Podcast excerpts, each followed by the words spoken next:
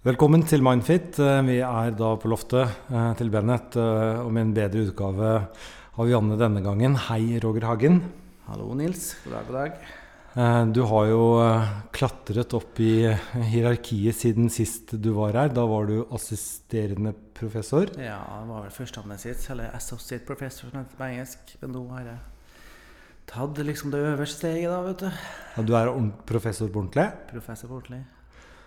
Gratulerer. Takk, takk. Og nå er det ikke noe mer igjen.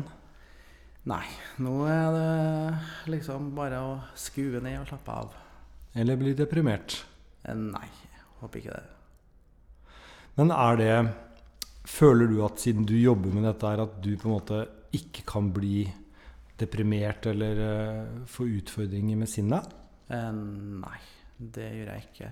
Altså, jeg tror alle sammen eh, i møte med sterke stressende reaksjoner eh, vil oppleve en viss tristhet. Jeg hadde en far som døde av kreft for tre år siden med et kort sånn sykeleie sant? som var veldig stressende og ubehagelig. Sånn at eh, det her er ikke sånn at det vaksinerer oss mot livet på noen måte.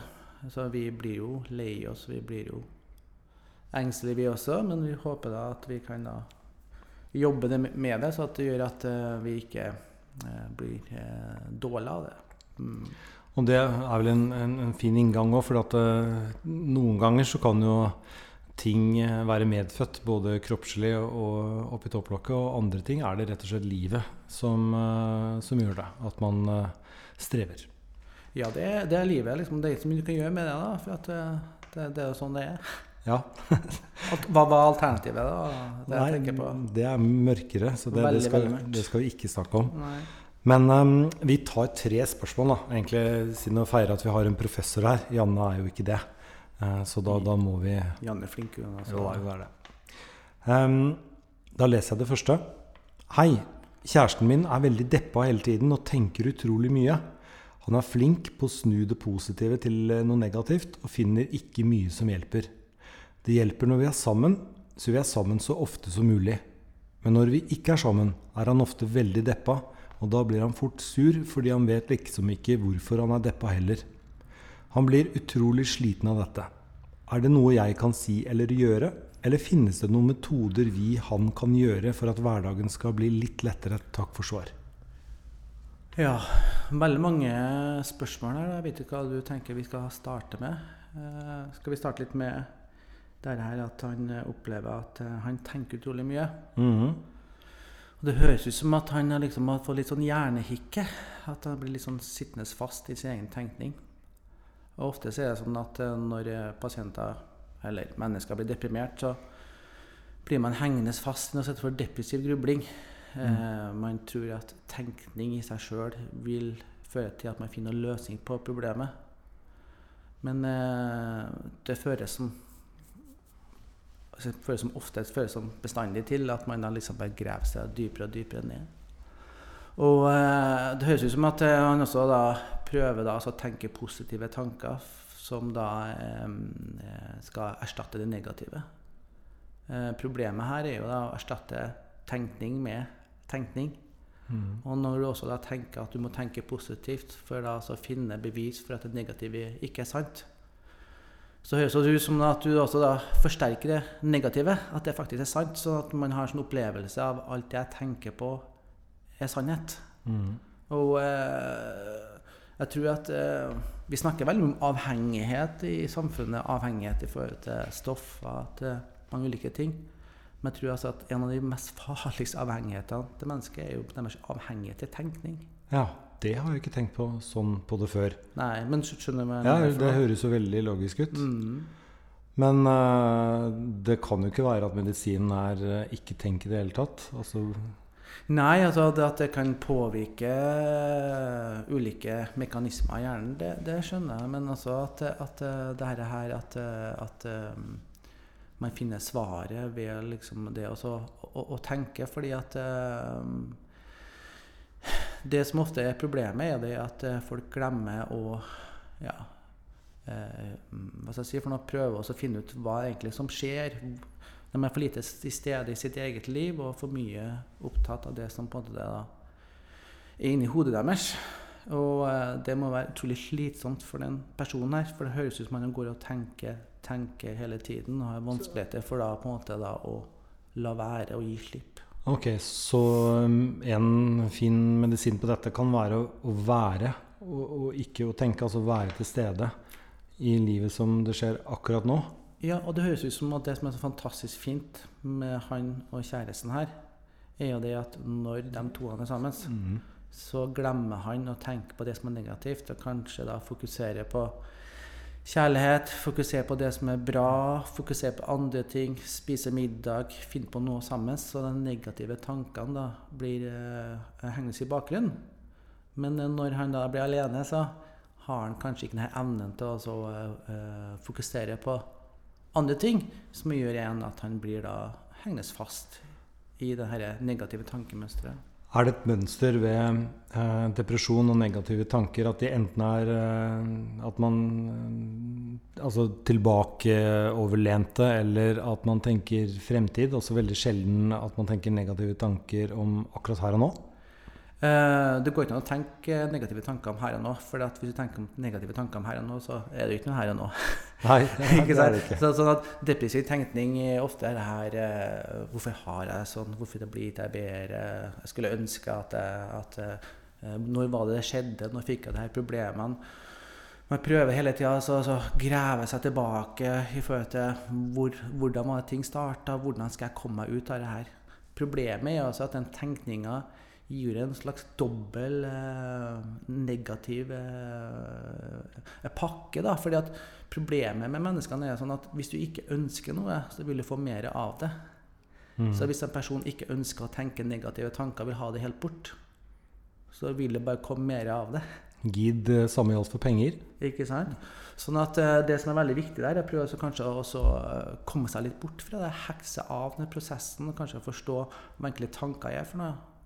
Og da er det jo en del måter måter, teknikker, som man kan jobbe med.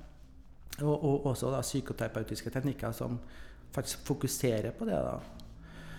Og de nyere former for kognitiv terapi, da, sånn som metakognitiv terapi og aksept- og forpliktelsesterapi, er veldig opptatt av å prøve å forstå hva tanker er for noe.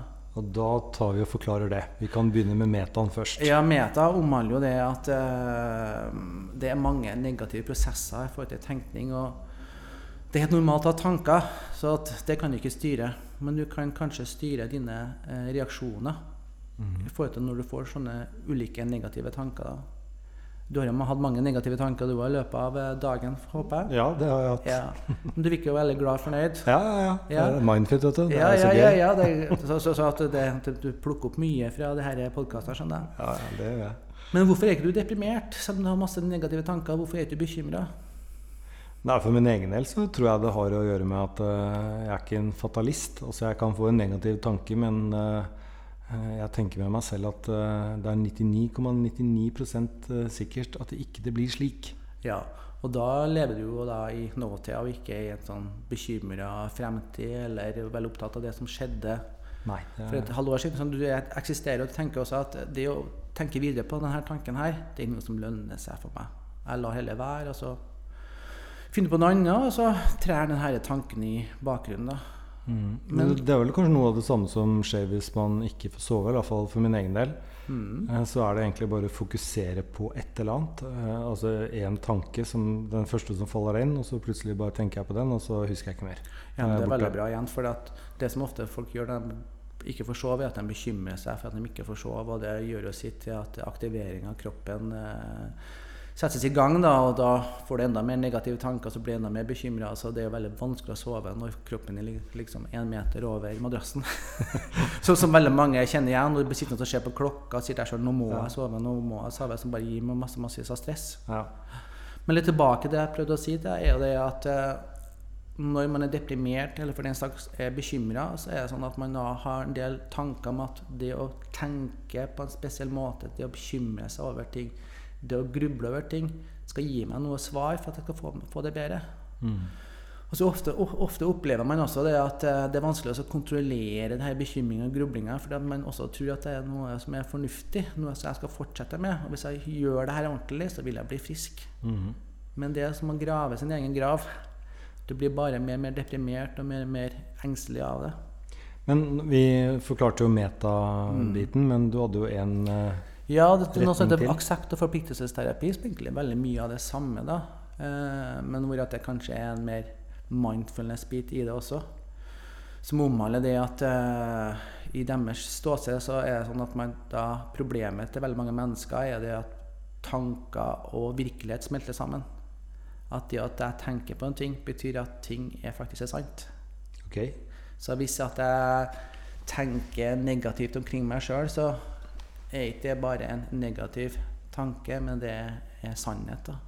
Så mye av det her omhandler det å prøve å eh, riste av seg denne sammenhengen mellom språket og tanker om egentlig som er virkelig. Og mm. da bruker man ofte det som er mer sånn mindfulness-teknikker til å erkjenne litt av det. da. Men tilbake til innsenderen, så har jo hun uh, funnet fram til uh, medisinen. Og det virker jo som det er kjærlighet. Fordi når de er sammen, så er han ikke deprimert, rett og slett. Da lever han i nuet. Ja, og det som kanskje hans, hans eh, vei til bedring omhandler kanskje det å fortsette på den veien. da. Eh, kanskje begynne å drive med litt meditasjon for å oppleve denne koblinga mellom tanker og virkelighet, og hvordan han kan bryte seg ut av det. Mm. Eh, og også kanskje få noe støtte fra en terapeut som kan hjelpe han ikke til å gruble mer på det, men til å henge seg litt av de negative tankeprosessene. Ja. Skal vi ta neste spørsmål? Kom igjen. Da leser jeg. Eh, mange vil si at depresjon er et biologisk problem som en sykdom pga. en kjemisk ubalanse i hjernen. Mm. Mens på den annen side vil en som er trist etter f.eks. død i familien, kunne fullføre mange, om ikke alle, kriteriene for å være deprimert. Hva er deres tanker om at i tillegg til å ha en kjemisk forklaringsmodell med kjemiske motvirkemidler som serotoninregulatorer, er det også viktig å kikke på sosiale faktorer og sosiale virkemidler. F.eks. er dere enig i at eh, ettersom man i vårt samfunn lever mer og mer isolerte, kan man møte sosiale behov eller kan umøtte sosiale behov føre til depresjon? Og når innsenderen her skriver 'dere', så håper jeg at han bare mener professoren, for det her skjønte ikke jeg så veldig mye av. Jo, jeg skjønte litt av, av, det ved at eh, jeg tror innsenderen er litt opptatt av at um, biologiske og medisinske modeller får veldig stor kraft i psykiatrien. Mm. At depresjon bare omhandler uh, serotoninbaner. For serotonin, ja, serotonin, serotonin er en nevrontransmitter i hjernen da, som vi vet er forbundet med affektive lidelser. Oh, sånn at, affektive lidelser? Det, ja, beklager. Ja. Altså, affektive lidelser omhandler da bipolare lidelser, depresjon. Ja, husk du snakket til en lekmann. Ja, ja, men uh, det er mange som kan mye om serotonin og nevrotransmittere. Uh, men, men, det som uh, er her, det er at de her nye antidepressiva de virker på serotoninnivået og prøver da altså å regulere det. For man tror at når man er deprimert, så skjer det noe med hjernen din. Okay. Men det at, man, det at å, å, gå til å si at, at depresjon skyldes at det er noe feil med serotoninnivået ditt, og det er for lite av det, det er jo som å si at hodepine skyldes for lite paracetamol. Mm. Så at selv om man vet at det å ta en Paracet hjelper mot hodepine, så betyr det at du har underskudd av Paracet i hodet ditt. Nei. Men det, det, jeg ønsker på en måte å si, som, som, også da den herre um, uh, innsenderen øh, sier helt riktig, og som også bygger på det forrige spørsmålet, mm. er at depresjon skyldes biologiske, psykologiske og sosiale faktorer. Mm. Så når han snakker om at sosiale behov, så vet vi at ensomhet er jo en sterk prediktor i forhold til depresjon. Så det betyr at det, det, det er liksom ikke en kjemisk ubalanse som man kan være født med, det er på en måte livet som gjør det? Selvfølgelig. Det er masse sosiale faktorer som gjør, gjør en deprimert. La oss si at det, du bor et sted hvor et bomiljø hvor det er mye rus, eh, hvor det er lite å finne på. Du har kanskje eh, en familie som ikke har så veldig høy utdanning. Det vet du også da skaper depresjon. Det å ikke ha penger gjør deg deprimert. Sånn at det er mange ting av sosiale faktorer som virker inn på at vi ikke har det bra. Mhm. Og, og bare for, for å følge Ja. opp der her er at eh, når, vi, når vi da jobber med deprimerte pasienter mm. og det kan også være det kan ikke være deprimert, men du ikke har det bra, eller kan være i sorg. Så er det to veldig sterke vedlikeholdende faktorer som vedlikeholder depresjon og gjør det verre. Det ene er at du unngår å gjøre ting. Det at du reduserer aktiviteten din og kanskje blir bare liggende i senga. Eh, og blir liggende og tenke og, og, og gruble over alt det som er negativt. Og, og det andre er at du trekker deg unna all form for sosial aktivitet. Mm. Og det er noe av det beste antidepressivaene i forhold til eh, når vi skal jobbe med de pasientene, er jo det å få dem til å begynne å gjøre ting. Og få dem til å begynne å se folk eller være sammen med andre. Det har en veldig sterk antidepressiv effekt. da. Men eh, han eller hun skriver også det at, eh, at man i vårt samfunn at vi lever mer og mer isolerte. Og, og, og det betyr jo da at eh, de umøtte sosiale behovene som vi som eh, flokkdyr, pattedyr, har, eh, at det egentlig gjør oss deprimerte? Det må vi nesten gjøre en empirisk undersøkelse på. da. Det som er litt sånn viktig her, og da tenke over hva egentlig umøtte sosiale behov. Eh, noen er vel mer flokkdyr enn andre. Noen eh, kanskje liker det å være alene, alene også. Mhm. Det som er litt sånn viktig for dette, ensomhet, er jo det eh, hvordan man ser på det. Eh, hvis det er sånn da at eh, du ønsker ensomhet i deg sjøl, men du ikke føler deg ensom, så vil du ikke være så deprimert. Mens en person som ønsker å være sammen med andre og føler at det er lagt hindringer i veien for det, enten av andre eller i seg sjøl, vil jo da eh, ha mye mer negative følelsesmessige reaksjoner. Men uh, nå er ikke de innsendte spørsmålene til Mindfeed noen empirisk undersøkelse. Men Nei. jeg tror i hvert fall 50% av dem handler om ensomhet i større eller mindre grad. Så det virker på meg som det er veldig mange ensomme mennesker der ute. altså. Men det er utrolig viktig, og eh, jeg vet ikke om hva om det var for et par år siden at Bernt Høie mente at eh, ensomhet var et av de største helsebeste problemene i Norge.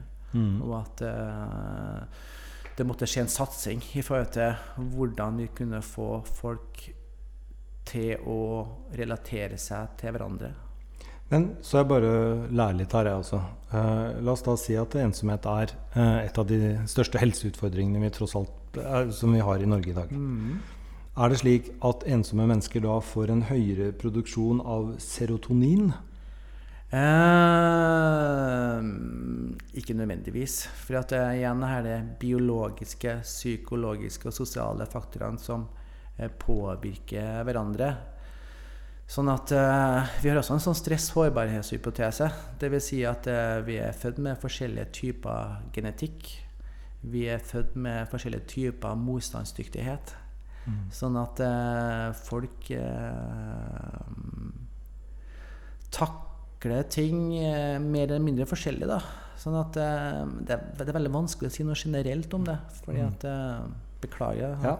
Her kommer psykologen. At Ja, okay. Det skyldes veldig mye individuelle faktorer. Ja, men jeg, jeg skjønner jo det. det, det noen har dårlige tenner, og andre kan ha forskjellige nivåer av eh, ting. Ja. Ja. Mm. Men um, lykkepiller de går altså på dette serotoninnivået og regulerer det ned. Mm. Er, er det stor forskjell altså jeg liksom, Det kan hende at eh, det jeg tror jeg vet, er feil, men jeg har liksom inntrykk av at eh, i Amerika så er det da veldig lite kognitiv terapi og bøtter og lass av piller. Eh, Ja, men det er faktisk i Norge også. Det er bare et fåtall av de som er deprimert, som får eh, psykoterapi. Fordi at eh, det er jo ikke nok behandlere. Og til viss grad så begynner det å hjelpe litt, fordi at det kommer en del sånne e-terapisenter. Hvor at de får veileda selvhjelp og også behandling over nettet, som har en god effekt. da. mhm. Eh, men eh, i USA så har nok eh, antidepressiva en større status enn i Norge, tror jeg. Her i Norge så er det sånn at man skal klare seg uten piller. Har man vondt i hodet, skal man ikke ta hodepinetabletter. Så, så man, blir, man blir veldig redd da, for, for, det her å bli avhengig av ting. Ja. Og det tror, jeg, det tror jeg faktisk er en bra ting med den norske folkesjela. At vi skal tåle litt før vi, før vi liksom eh, gjør noe med det. Men det jeg prøver å si her, er jo det at eh, jeg liker ikke ordet lykkepille, for det gir en dårlig assosiasjon. Det mm. kalles SSRI-preparat. Det kalles også SNRI. For det, også, vi har også noe som virker også på noradrenalin, som er også en sånn nevrotransmitter. Eh, men eh, i, i, USA så er nok det en sterkere tradisjon for å ta medikamenter enn i Norge, hvor jeg tror at eh, eh det er litt større grense for da, altså, å begynne med det. Men allikevel, du tok en illusjon bort. da. Jeg trodde ikke at det, det, var så mye bruk av eh, det i Norge, men du, du, sier at eh, det er det? Fordi det er rett og slett for få terapeuter? Ja, det, det tar veldig lang tid da, før du får behandling. Ofte er det også sånn da, at pasienter går til sin lege når de føler seg at de har det som verst. Mm. Unnskyld. Og så går det over en depresjon etter seks til åtte måneder. Det vil si at når du da går til legen din, så er det som regel på det verste. Mm. Sånn at uh, du vil bli bedre etter hvert. Og uh, mange ganger så tar det jo så lang tid å vente for å få behandling også, sånn at uh, behovet er kanskje ikke til stede når man er når man da prøver å henvende seg for å få en behandling. Og så er det sånn at for å få en, få en plass da i helsevesenet enten en psykolog, privatpraktiserende eller eh, en DPS, en poliklinikk, så eh, må du også ha et visst symptomtrykk. Så det er faktisk sånn jeg tror jeg at eh, du må ha litt penger for å kjøpe deg, kjøpe deg time til noen som ikke har så lang ventetid. Ja. Men uh, innsenderen, som uh, jo har peiling på dette, han eller hun spør jo i, i hovedgrad om at det er ikke bare et et biologisk problem. Altså, det er ikke bare en kjemisk ubalanse. Altså, her er det andre faktorer, som sosiale faktorer og sånne ting, som også virker inn på dette. Ja, ja, den, og, det er, sier du ja, selvfølgelig. Det er en interaksjon er mellom biologiske, psykologiske og sosiale faktorer. Så at uh, den innsenderen uh, er veldig klok og har veldig rett i det han beskriver. Eller hun. Eller hun. Eller hun, Det vet vi ikke. For her er det høres ut som en hund, kanskje. Det, her er faktisk alt uh, anonymt uh, på ordentlig, så vi aner ikke. Nei. Men da tar vi et spørsmål til. Det er uh, kort, og vi har hatt en sånne varianter av dette før. fordi det handler egentlig om arbeidsplassen. Mm. og jeg leser Jeg er deprimert. Jobben gjør det verre. Er på gråten hele dagen, men presser meg til å gå på jobb. Har prøvd så mye for å bli bra. Mm. Det var et, et kort spørsmål og høres jo litt sånn desperat ut. Uh, og så er det jo det at for veldig mange av oss så er jo jobben det stedet man bruker mest tid på. Mm. Så det er en ekstremt viktig del av livet til mennesker. Absolutt. Så hvis den ikke er bra, mm. så har du jo et problem. Absolutt. Det som vi ikke vet fra innsenderen her, er jo det om at det er jobben som har gjort den personen deprimert. Uh, ofte er det sånn at uh, mange som er deprimerte, blir faktisk bedre av å gå på jobb. Mm. Fordi at det, det, får bort eh, tankene litt fra det som er negativt. Ikke sant? Vi, ja, her og nå. Ikke her og nå. Det å prate med noen, ha fokus på andre ting. Sånn at det her eh, negative tankene trer i, i eh, bakgrunnen. Men klart at eh, vi vet også det at eh, hos enkelte så er faktisk jobben mm. en av grunnene til at man blir deprimert. Det kan være mobbing. Det kan være at man ikke har det bra, at man ikke trives der. Eller at man ikke blir sett, ikke uh, og ikke får den aksepten man føler man skal ha. Ikke sant? Og i hvert fall min lille erfaring med det er at veldig ofte så handler det om laget. Mm. Altså Akkurat som et fotballag så kan det være to-tre veldig bra spillere som ikke får det til i en klubb, og så drar de til en annen klubb, og så blir de mm. kjempeflinke. Absolutt. Fordi særlig på en jobb så er det ikke deg alene. Du er, du er i, en maurtue, du er i et fellesskap. Ikke sant? Og, og spørsmålet er jo da om det er riktig av den personen, eller for den saks skyld legen også, å tvinge noen tilbake til en jobb som faktisk var grunnen til at man ble deprimert. Og det er jo da ubehagelig for alle. fordi at uh, vet ikke om det er sånn at uh, man tror at, at uh, man skal trives overalt. Det tror jeg at uh, man ikke gjør. Nei. Så Jesus å finne et sted som, som, som, man har det bra i. Mm. Og, og det her er veldig vanskelig, ikke sant? Og, og skal man da gå og holde ut i ting hvor som For den slags relasjoner det er mange som er sammen, som ikke skulle vært sammen. ikke sant? Ja. Og, det er akkurat som at det er mange som sikkert er i jobber de ikke skulle ha hatt eller vært i. For det, det er, er ikke et sted hvor de har det bra. Og det er en viktig del av livet, siden vi er her så mange timer. Og da må vi ta denne skumle avgjørelsen. da. Det blir en slags skilsmisse, det òg. Mm. Det er veldig ubehagelig. Skal jeg slutte? Skal jeg finne på en annen? Og kanskje tørre å prøve det. da, Prøve det litt sånn usikre, utrygge.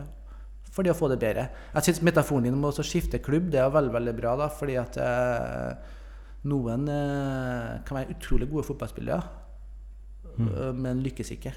Og du har jo også det samme rockeband. Eh, det er jo mange solokarrierer som ikke når bandet opp til knærne. Eller de aller fleste, vil jeg si. Så det er egentlig summen av noen mennesker som gjorde at noe var bra, og så var det bare midt på treet når man prøvde alene eller med andre. Men, jeg, jeg, jeg, jeg på hvilke, hvilke soloartister er det egentlig som har gjort det veldig veldig bra etter å ha gått fra et band. Ja, altså, man kan jo mene at Beatles var helt fantastisk, men eh, jeg vil jo mene at både Paul McCartney og John Lennon klarte og George Harrison i og for seg, ikke Ringo Starr, eh, klarte å gi ut bra ting. Men hvis du ser på de andre fra 60-tallet, Rolling Stones f.eks., mm. så er jo ikke akkurat Mick Jaggers eh, solokarriere noe som helst å skryte av i det hele tatt. Nei. Og i hvert fall ikke Keith Richards. Nei, det gjør litt vondt å tenke på.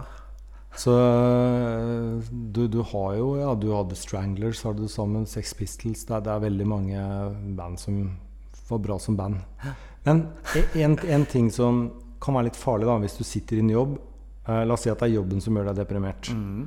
Eh, og så er det Det kan være at du ikke får den aksepten du skal ha. Mm. eh, ikke de arbeidsoppgavene du føler du mestrer osv. Mm. Hvis du blir for lenge i det, så uh, kan det skje noe med den faglige selvtilliten din. Mm. Og da begynner du å havne i en veldig ond spiral, er min erfaring. Ja, men det tror jeg er en veldig bra analyse av det. fordi at uh, da begynner du også å tvile på deg sjøl også. På en helt annen måte, som uh, ødelegger jo sikkert all den troa du har, har på deg sjøl.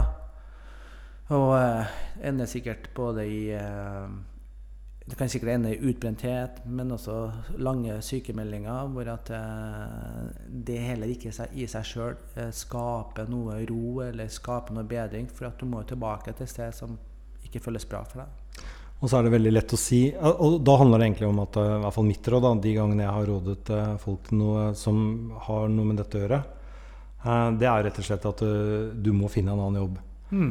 Og så hjelper det ikke å bare si det til seg selv. Du må si det til noen andre, for da blir det litt mer sant. Mm. Og du kan begynne å tro på det selv. Mm. Noen ganger så har man ikke en sjef som tåler å få en sånn uh, beskjed, holdt jeg på å si. Mm. Men du har helt bombesikkert noen kolleger som kjenner deg godt. Mm. Og så setter du egentlig bare en tidsplan. Om åtte måneder skal jeg jobbe et annet sted. Mm. Og når man sier det, så uh, er i hvert fall min erfaring at kanskje noen ryggsekker detter av. Mm. Og det blir litt lettere. Og det er ikke vanskelig å få jobb i Norge i dag, uh, egentlig. Og så er det også den uh, tingen som er lett å si, men ikke så lett å tro på, men som er allikevel sann. Det er at uh, enhver Ethvert lukket kapittel er starten på noe nytt. Ja. Og det er det. Altså, hvis du bare sa opp jobben din og slutta etter tre måneder, så vil det være starten på et nytt kapittel. Ja, og så skal man ha litt mot for å gjøre det. Så man skal heie på det, de her eh, personene som tør også gjøre noe som er litt uvanlig. Altså tør også gjøre noe som, som krever litt mot. Fordi at eh, det å skifte og gjøre ting og, og lukke et kapittel og begynne på nytt, eh, det tror jeg også kan eh, føles eh, veldig forfriskende for den personen som eh, tør også gjøre det. Da. Og så tror jeg det er veldig lurt som du sier også, å begynne å si det til folk og få deg en heiagjeng og støtte. Det gjør det mye lettere enn du skal gå og tvile på disse tankene sjøl. Snakk med mm. deg som på en måte da eh, eh, Som bryr seg om deg og, og, og, kan gi deg gode råd. Og så bare gjør det. Hvis du føler at det her, her eh, ikke er ok for deg, og man vet det innerst inne også, hva egentlig svaret er, tror jeg. Um, nå vet jeg at uh, Janne, som jo uh, er tilbake neste gang, uh, kommer til å bli irritert fordi vi ikke har sagt at dette er program nummer 56, så da gjorde vi det. og så vil jeg takke professoren for at du kom, og jeg gleder meg til hva slags tittel du har neste gang du dukker opp her på loftet. Eh, da har du kanskje skrevet Bare spør om det. Når man blir professor altså man, Det er liksom ikke noe der bare å sitte og slappe av på laurbærene. Altså du, du, har, har, du krav på deg på å skrive fagartikler og sånne ting? Hvordan er det egentlig Nei, det funker? Altså, når du blir professor, så blir du vurdert til å være kompetent nok. Da, så da er det det du har skrevet fra før. Men eh, jeg trives jo veldig godt i den jobben jeg gjør. da, så at Jeg har en blanding av å prate med folk, eh, med pasienter for jeg jobber veldig mye på, med behandlingsforskning. Altså, akkurat som Hvis jeg sjekker hvordan medisiner virker, så jobber vi og mine kollegaer med å sjekke hvordan psykoterapi virker. Så skriver ned artikler på det. sånn at uh, Vi forsker mye, gjør behandling og, og underviser. Mm. Men, men, da er det et internasjonalt uh, publikum da man skriver til, eller? Ja, vi skriver på engelsk. Uh, og vi håper jo å bli lest, da. men du vet jo det at det publiseres så utrolig mange artikler. Sånn at det, akkurat som at det er konkurranse rundt eh, å skrive gode, romaner, så er jo det altså, konkurranse i forhold til det å skrive gode forskningsartikler.